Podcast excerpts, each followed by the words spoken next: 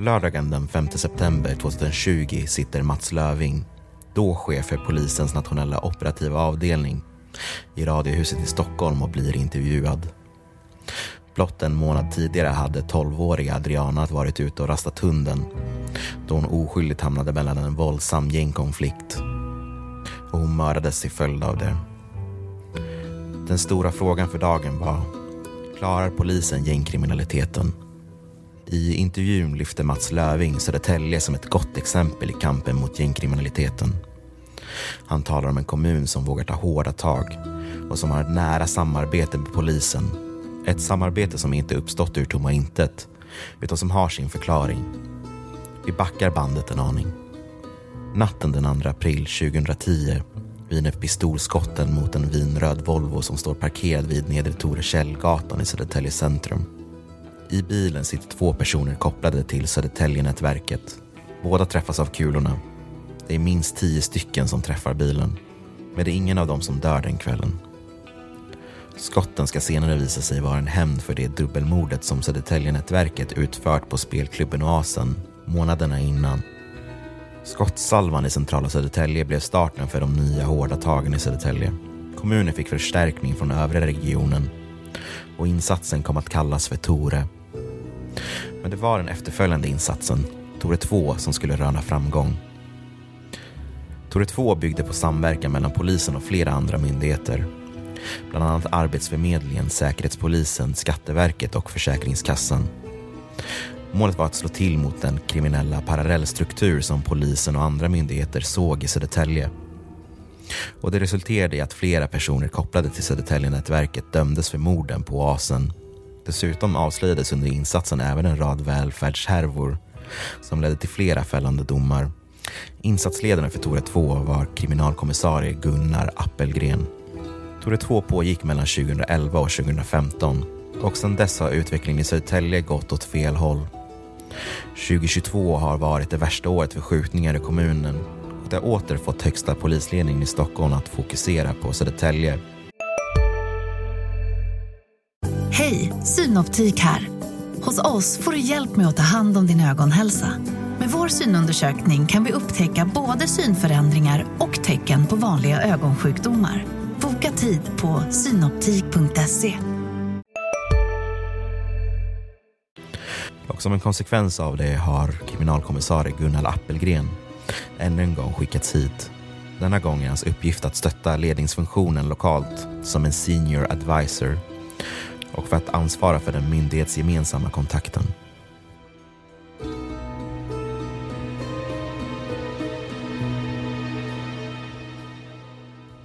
Hej och välkomna till det tredje avsnittet av Studio Krim. Du lyssnar på mig, Ricardo Burrows, och jag sitter här tillsammans med LTs krimreporter Torbjörn Granström. Tjena! Tjena! Och den här veckan har vi med oss en speciell gäst. Uh, han har varit insatsledare för Tore 2 när gangsterkriget rasade i Södertälje för 12 år sedan. Och nu är han tillbaka för att ta ett tug med dagens uppflammande krig i den undre världen. Uh, kriminalkommissarie Gunnar Appelgren, välkommen. Tack så mycket. Ja, Gunnar Appelgren. Jag minns första gången jag intervjuade dig. Det var hösten 2010. Vi satt nere i ett café centralt i Södertälje och du skulle informera mig om Tore 2, vad det skulle innebära för Södertälje. Och när vi sitter där så säger du plötsligt, när man talar om trollen, och då minns jag att det kom några från Södertäljenätverket in i det här kaféet just då, gick en lov mitt igenom det här kaféet. Och vanliga kafébesökare reagerar nog inte speciellt över det, för men däremot är jag ganska säker på att kaféägaren visste exakt vilka det var som rörde sig där. För det här var efter dubbelmordet på Oasen. Det var mitt i utpressningsvågen när Södertäljenätverket utnyttjade, kan man säga, sitt skräckkapital efter det som hade hänt. Eh, om, vi, om vi tar vår utgångspunkt där helt enkelt. Vad är den största skillnaden på den problembild ni såg av Södertälje då och nu? Mm. Ja, den största skillnaden eh, skulle jag vilja påstå det är ju våldet på den bottennivån, nivå 3 som vi definierar, alltså våldsverkarna. För 12 år sedan så var det ju, ja det var ju ena grupperingen mot den andra grupperingen med ett antal kända namn. Eh, och, eh, och som var i luven på varandra, hade någon form av marknadsandelar, utpressningar, utlåningsverksamhet. Det fanns vissa personliga vendettor däremellan. idag har vi ju nått 7, 8, 9 beroende på hur man ser det, olika grupperingar som har olika synpunkter på varandra och som är väldigt våldsamma. Så det är den största skillnaden tycker jag. Och den enkla analysen, vad beror det på? Ja, den enkla analysen är att uh, den här generationen vi ser idag som är något yngre än den generationen som vi såg för 12 år sedan. De här är annorlunda som individer uh, utifrån kränkningsbarhet och impulsstyrdhet. Man har också valt att uh, vara väldigt tajt i mindre grupperingar. Man är mindre affärsmässiga på det sättet utan man går på Eh, de här kränkningarna, man får inte tappa ansiktet, man har rätt att göra och man har startat någon form av våldsspiral av någon anledning sedan tidigare. Eh, det kan vara att man eh, bråkar om en drogmarknad. Men det kan också vara helt andra enkla kränkningar. Någon flickvän som blir dåligt behandlad. Så exakt vad som börjar de här eh, olika formerna av våldsspiraler. Det har nog inte alla koll på som nu skjuter på varandra. Det blir liksom sin egen logik helt enkelt. Men, men vad beror det på att att folk har blivit så mycket mer kränkta i den kriminella världen? Vad, vad är det för kultur som har växt fram? Har man någon aning om det? Nej, det vet jag inte. Men jag har ju tagit det som en av delförklaringarna till att vi ligger högst i Europa när det gäller mördade och skadade i skjutvapenvåldet. Eh, det är förstås tillgång på vapen och det är narkotikamarknader och det och allt vad det är för något. Men jag tror vi också har en annan form av kriminella individer i Sverige. Eh, som, som, och där man formas av det samhälle och den plats man växer upp. Nu är jag ju polis och inte psykiatriker eller psykolog eller beteendevetare. Men jag tycker erfarenhetsmässigt så ser jag den här machokulten eh, som finns. Och då menar jag, så, den har alltid funnits inom den kriminella. Alltifrån Al Capone och maffia och allt vad de heter för något så har du machokulturen. Men den här machokulturen att man inte får tappa ansiktet, att man måste hämnas. Och idag hämnas man med ett pantal skott i huvudet. Eh, andra kränkningar backar vi tillbaks för 12 år sedan. Vi var ju med vid olika former av förhandlingar med de här två sidorna. Så att man försökte hitta förhandlingslösningar. Man pratar om botsystemet om ni kommer ihåg det. Där man fick bota för en kränkning. Ja, just det. det hör man nästan aldrig någonting nu att man botar någon i skolan eller man botar någon kriminell eller man botar för att man använt fel namn. utan nu skjuter man någon som man upplever det. Mm. Och det är inte bara i Södertälje. Jag skulle vilja påstå att det här är en förklaringsmodell som håller hela eh, Stockholm och Sverige. Eh, och anledningen till att jag kan ha till lite på fötterna, om vi jämför 2012, då hade Stockholm ett skjutvapenmord i kriminell miljö. Jag tror vi har 30 år hittills. Du pratar om två grupperingar som har blivit sju till åtta stycken grupperingar. Har ni koll på de här olika nya grupperingarna och vart de har kommit från? Ja, det vill jag påstå att vi har. Vi har väldigt bra koll på dem. Dels är vi underrättelsetjänsten men också ungdomspoliserna med hjälp av kommun och med mera. Eh, och det är inget konstigare nu än vad det har varit som jag känner igen min 37-åriga polisbana. Alltså, man blir kriminell med andra kompisar som man växer upp med i grunden. Det vill säga det är samma gata eller samma torg. Det är det som kittar ihop, det är det som, som är att göra att man går, går ihop. Och det är ungefär här, för här pratar vi om de olika stadsdelarna där de kommer ifrån och lojaliteter. Sen när man blir äldre så skapar man andra lojaliteter utanför sin gata, sitt torg, sin stadsdel. Eh, så att det är därför man pratar idag om Saltskog eller Hovsjö och Ronna och Brunnsäng. Och sen har man lojaliteter om det blir konflikter. Men man, i grunden är man ju där man kommer ifrån. Och så har det alltid varit. Eh, sen blir det en dimension som blir svårare polisiärt att jobba med. Där om det finns någonting som kittar hårdare än bara lojaliteten att man bor på samma adress. Och det kan vara etnisk samhörighet. Att man har en kultur bakåt i tid som kittar ihop en som gör att man blir eh, tajtare ihop i sin kriminalitet. Och det betyder att vi kanske från polisens sida har svårare att komma in och hitta källor som lämnar information. För det finns en annan dimension i, i lojalitet än bara att tjäna pengar och vara kriminell. Vi kan backa bandet lite. Um, Tore 2 var den här insatsen som startade 2011 för att komma i bukt med gängkriminaliteten här i Södertälje. Kan du berätta mer om vad den innebar? Ja, men den innebar att vi utifrån en ganska djupgående analys försökte förstå kriminaliteten i Södertälje. Eh, Södertälje stack ut då väldigt mycket ifrån andra städer eh, i sin strukturella kriminalitet. Det vill säga, vi ville visa att det finns någon form av maffialiknande struktur. Våldet var en sak på nivån. Men vi hade också de som hade eh, kontakter eller de hade själv förmåga, själv förmåga att, att omsätta för fina kriminella förtjänster. Bland annat så stängdes ju växlingskontoret Exchange av Finansinspektionen som var ett kriminellt blodomlopp på den tiden. Eh, men det handlar också om att vara, korruptiva delar. Det fanns folk som var inne i eh, myndigheter och lämnade ut information. Vi sa, påstod också att det fanns eh, politiska påtryckningar på olika sätt som vi då lyckades inte få i någon förundersökning. Och det var någon som var dömd i den delen. Det vill säga att det fanns personer som utnyttjade kyrkan för sin egen kriminalitet. Det var ett antal, eller sin position i kyrkan med kyrkan som helhet, sin position skulle jag vilja säga. Och det har varit ett antal härvor som påvisade det. Eh, och det vi vill komma åt det var att vi vill komma åt den här brottsligheten egentligen på alla nivåer. Och som vi pratade om tidigare, men vi måste börja med våldet på något sätt för att det är det som folk märker av. Eh, och det vi hade hoppats på det var att när vi har lyckats komma som vi förtjänar det här förtroendet att vi får väldigt mycket mer information. Och det skulle jag vilja säga att det stämmer. Vi fick väldigt mycket information, ganska tidigt i och för sig, men folk då som lämnade underrättelseinformation vill inte stå för det. Men det visade sig också i de här härvan som växte att folk kom och gjorde anmälningar. Och genom att vi har haft så pass mycket hemliga tvångsmedel som vi har haft så hade vi bevisning i många av de här olika ärendena. Det var utpressningar, det var människorov, det var grova vapenbrott och lite sånt där. Som då, det var den här stora maffiarättegången, eller vad det kallas, gangsterrättegången tror jag.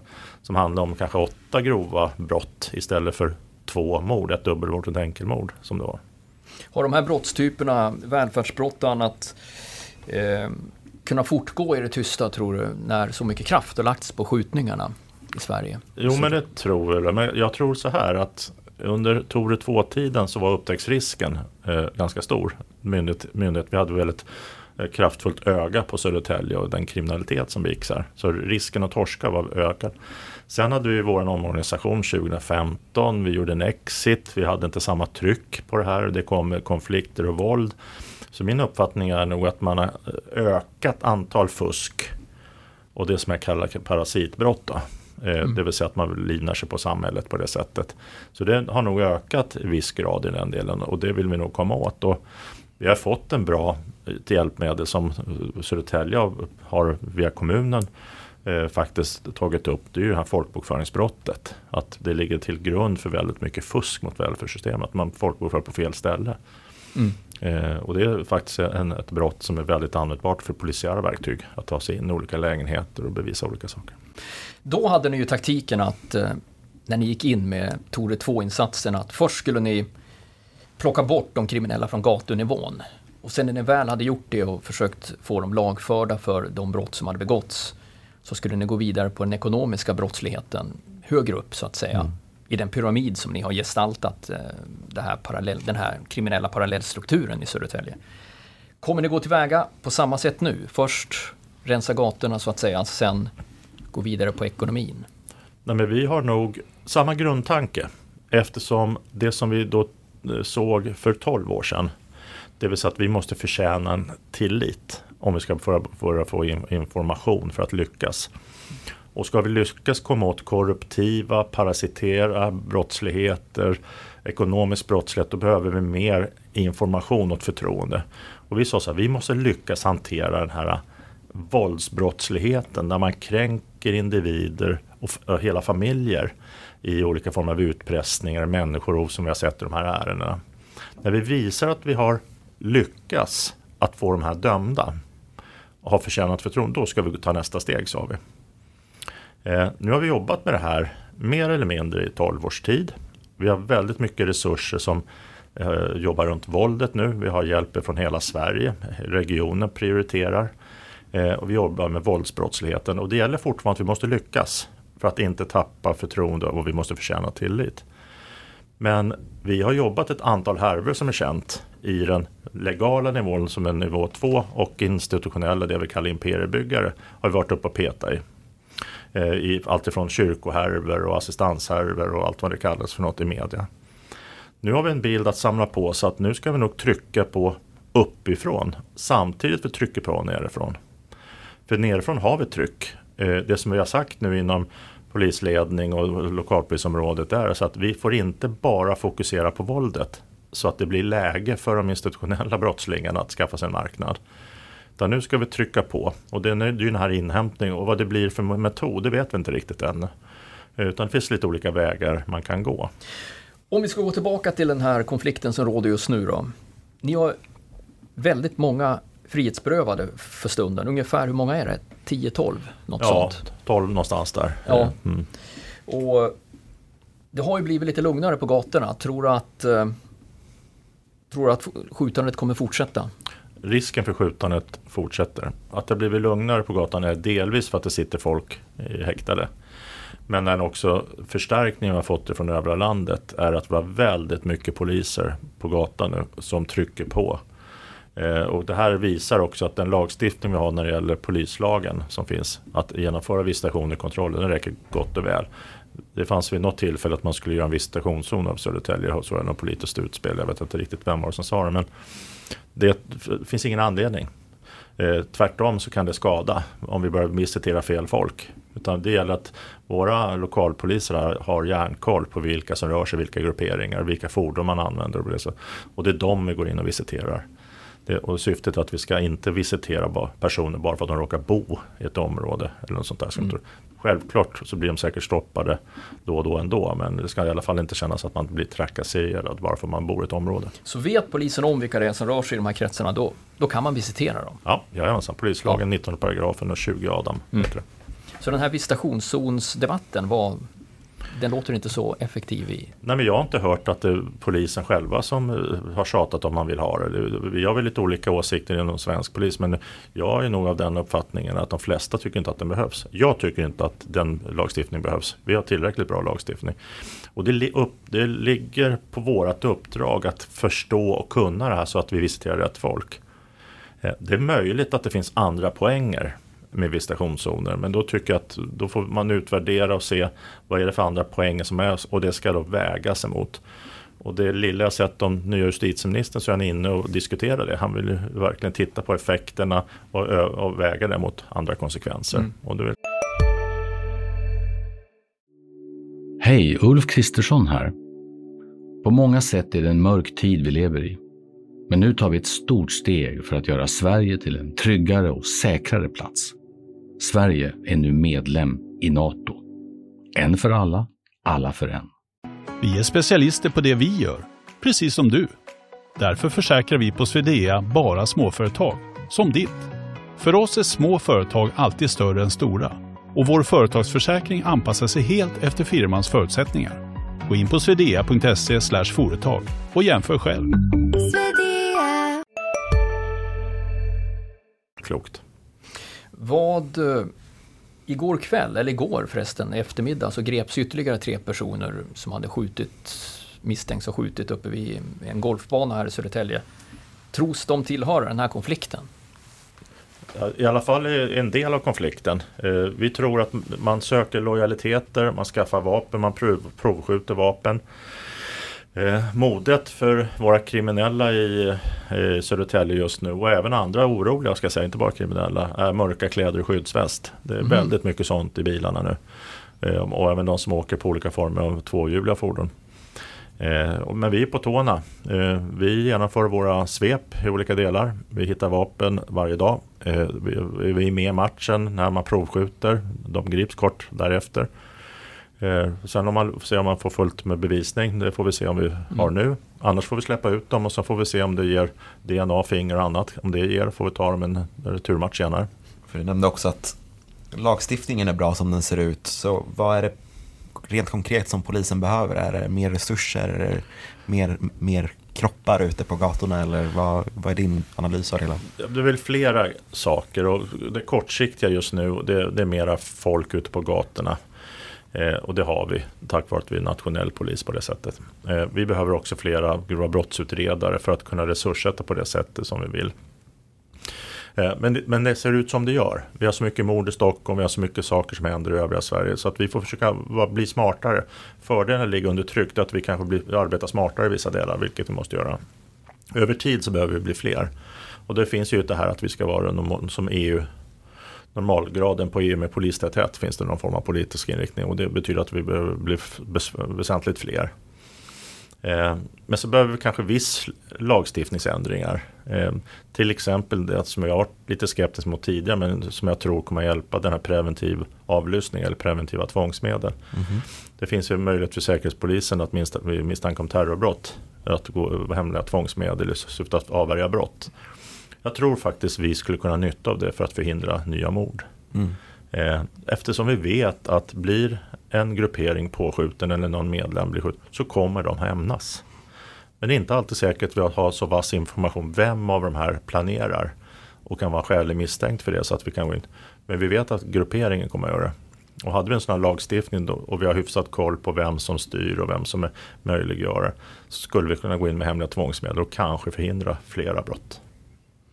När det gäller narkotikan så får man ju bilden att den väller ju bara in över gränserna, inte bara i Sverige. Men, och det polisen får tag i är ju en bråkdel. I och med Encrochat så är det väl så att polisen själva har reviderat bilden av hur mycket narkotika som kommer in. Kommer samhället eller polisen kunna vinna, jag ska väl säga, kampen mot narkotikan? Och i sådana fall, vad skulle behövas? Ja, det, lindra det? Det är en svår fråga för det beror på om man definierar vinna. Jag tror aldrig vi kommer att få ett narkotikafritt samhälle även om det vore en, en väldigt trevlig vision att ha. Att, att vi inte har det, så tror jag inte det. Och vi, precis som du säger också, det vi har sett i Encrochat, att vi är väsentligt mer narkotika som kommer in än vad vi eh, bedömde från början. Eh, det som man behöver på något sätt skapa, det är ju att få en slippa få den här efterfrågan. För jag tror alltså att vi kommer kunna bli mättade hur mycket med mycket knark som helst. Det finns ju länder, det finns delar av länder som där befolkningen lever på att producera kokain och skicka över till Europa för att de ska få drägligt liv där borta, mat och potatis på bordet. Alltså det, det finns sådana andra incitament. Så vi i Sverige, i lilla Sverige, att vi skulle på något sätt för kunna förhindra, det tror jag inte.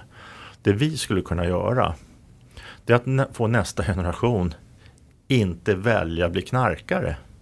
Mm. Alltså det är på något sätt där vi ska lyckas. Eh, och, då, och det låter ju romantiskt och bra och man kan ju tycka det är flummet. Va? Och där är ju inte polisen huvudspelare. Det är kanske kommunen huvudspelare, näringsliv och föreningsliv och sådana här som är huvudspelare. Hur ger vi ungarna alternativ? Hur får vi dysfunktionella familjer att funka lite bättre?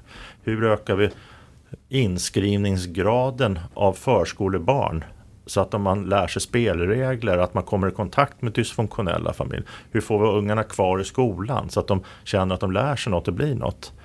Och de som bryter mot normen så måste vi hantera. De som bryter mot lagen måste vi se till att ja, begår man brott så ska risken att torska vara så stor och man ska förvänta sig faktiskt bli dömd för det. Det är lite grann idealistiskt samhälle men jag tror vi måste ha det perspektivet. För vi kommer inte kunna strypa flödet av knark in i landet lika väl som vi kommer kunna strypa flödet av vapen in då det genererar väldigt mycket ekonomi från andra delar av världen. Så den, den socioekonomiska aspekten av brottslighet är fortfarande en viktig del av brottslighet, även fast vi ser en annan typ av kriminalitet idag. Jo, men jag tror att den är den viktigaste delen. Eh, och då finns det ju, jag tror det var eh, Marie Torstensson Levander som har sagt att fattigdom gör, eh, eh, i sin forskning säger att det ger inte vid handen att folk blir kriminella endast då. Och det, det stämmer nog, men alla olika delar. Alltså socioekonomiska taskiga förutsättningar eh, som finns tillsammans med ett alternativ till att begå brott och tjäna pengar tillsammans med en generation av impulsstyrda, lättkränkta pojkar i det här fallet på något sätt blir ju som en kittel av kokande grejer som då det vi ser. För det är intressant den här mixen, för Sverige är ju inte fattigast i Europa. Eh, men vi har mest skjutningar per capita.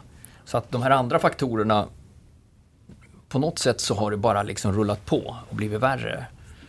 Eh, om man tittar på spanska solkusten till exempel så kriminella från svenska förorter har utmärkt sig för att vara de mest gränsöverskridande mm. och galna höll jag på att säga. Los Suecos har de väl fått som tilltalsnamn. Och det har varit kontraktsmordsligor från, från svenska förorter som har utfört mängder av mord där nere och så på ett sätt som de inte är vana vid och då är ändå spansk polis van med italienska Camorran och Cosa Nostra som har köpt upp eh, restauranger där mm. på 80-90-talet och allting sånt. Men det är just svenska förortskriminella som utmärker sig. Och Sverige är ju inte fattigast, så Nej. någonstans har det gått snett. Man, Fast allt, det beror ju på vad man säger, lögn, förbannad lögn och statistik. Alltså står det i, i ett kokande vatten med ena foten och iskallt i andra så har det medelmässigt ganska bra. Då.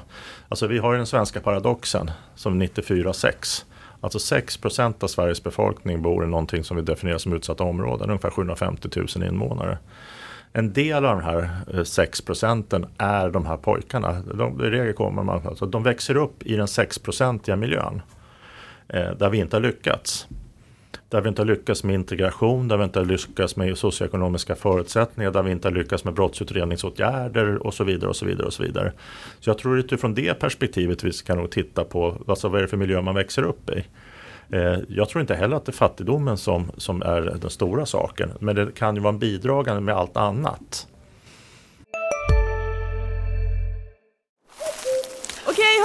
Gänget! Vad är vårt motto? Allt är inte som du tror. Nej, allt är inte alltid som du tror. Nu täcker vårt nät 99,3 procent av Sveriges befolkning baserat på röstteckning och folkbokföringsadress. Ta reda på mer på 3.se eller i din 3-butik. Hej, Susanne Axel här. När du gör som jag och listar dig på en av Krys vårdcentraler får du en fast läkarkontakt som kan din sjukdomshistoria. Du får träffa erfarna specialister, tillgång till lättakuten och så kan du chatta med vårdpersonalen. Så gör ditt viktigaste val idag, lista dig hos Kry. Eh, det här också att det, inte, det normala är inte att gå upp och gå till jobbet mm. i vissa delar. Det normala är att, att nerpissade eh, trapphus, narkotikaförsäljare utanför dörren.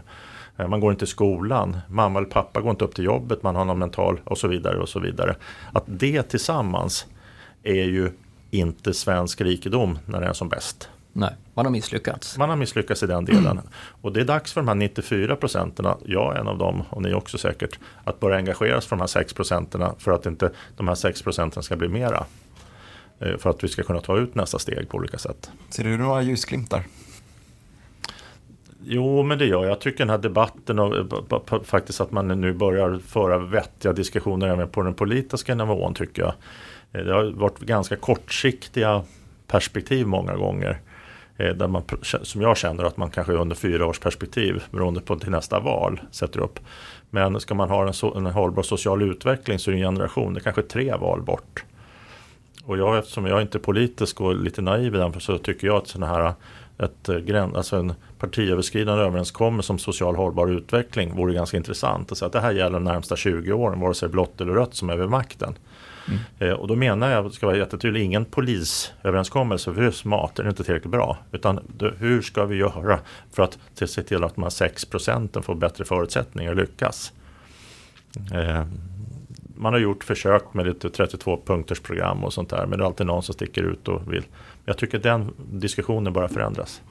Södertäljepolisen skriver nu för, eller nu i veckan, ett Facebook-inlägg där man vänder sig till föräldrarna. Varför väljer man att ta det här initiativet? Varför vänder man sig till föräldrarna nu och genom sociala medier? Hur, hur är tanken bakom det inlägget så att säga? Nej, men det är ju en del av en kommunikativ insats som vi behöver göra. Alltså, vi tror och vi tycker att föräldrarna spelar viktig roll.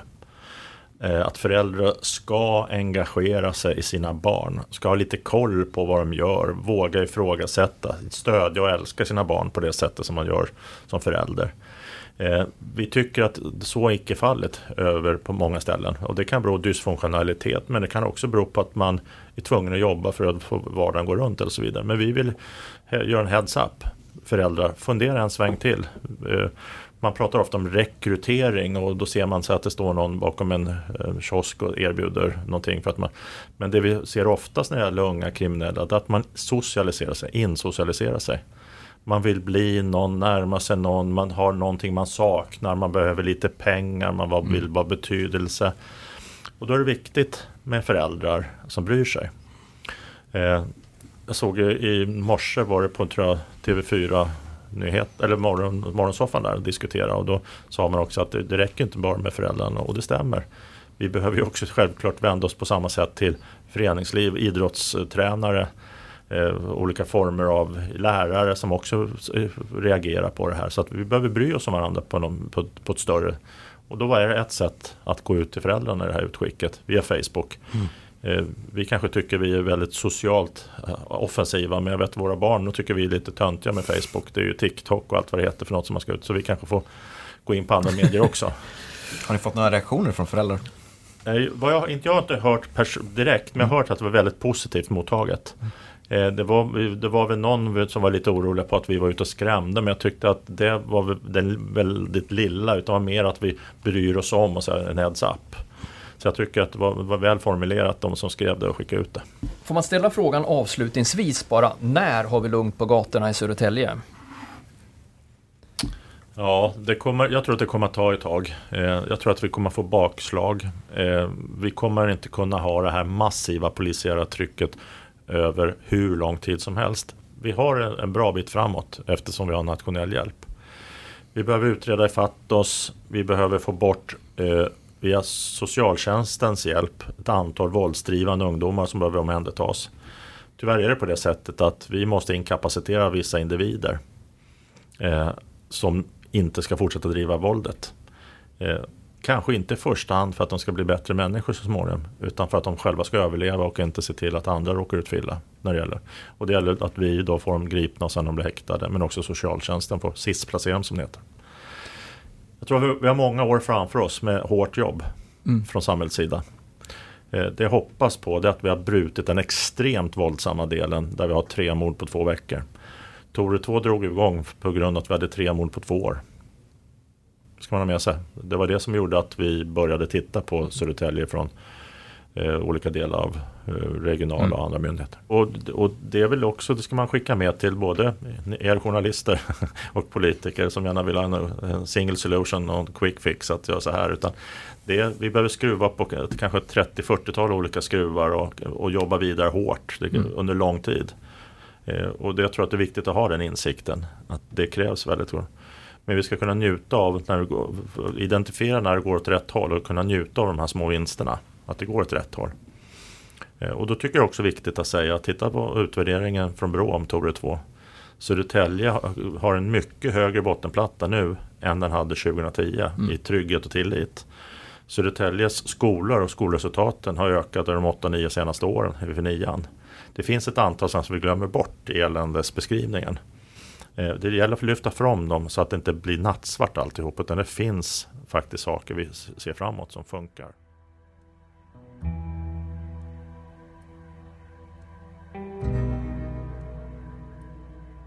Zero släpps varje torsdag där poddar finns. Och glöm inte att du som prenumererar på LT har chansen att tjuvlyssna redan på onsdagskvällen. Det är bara att logga in på lt.se för att lyssna. Och där kan du såklart också läsa om det senaste nytt i Södertälje, Nykvarn och Salem. Reporter har varit jag och Torbjörn Granström och podden produceras av mig, Ricardo Barros. Tack för att du lyssnat.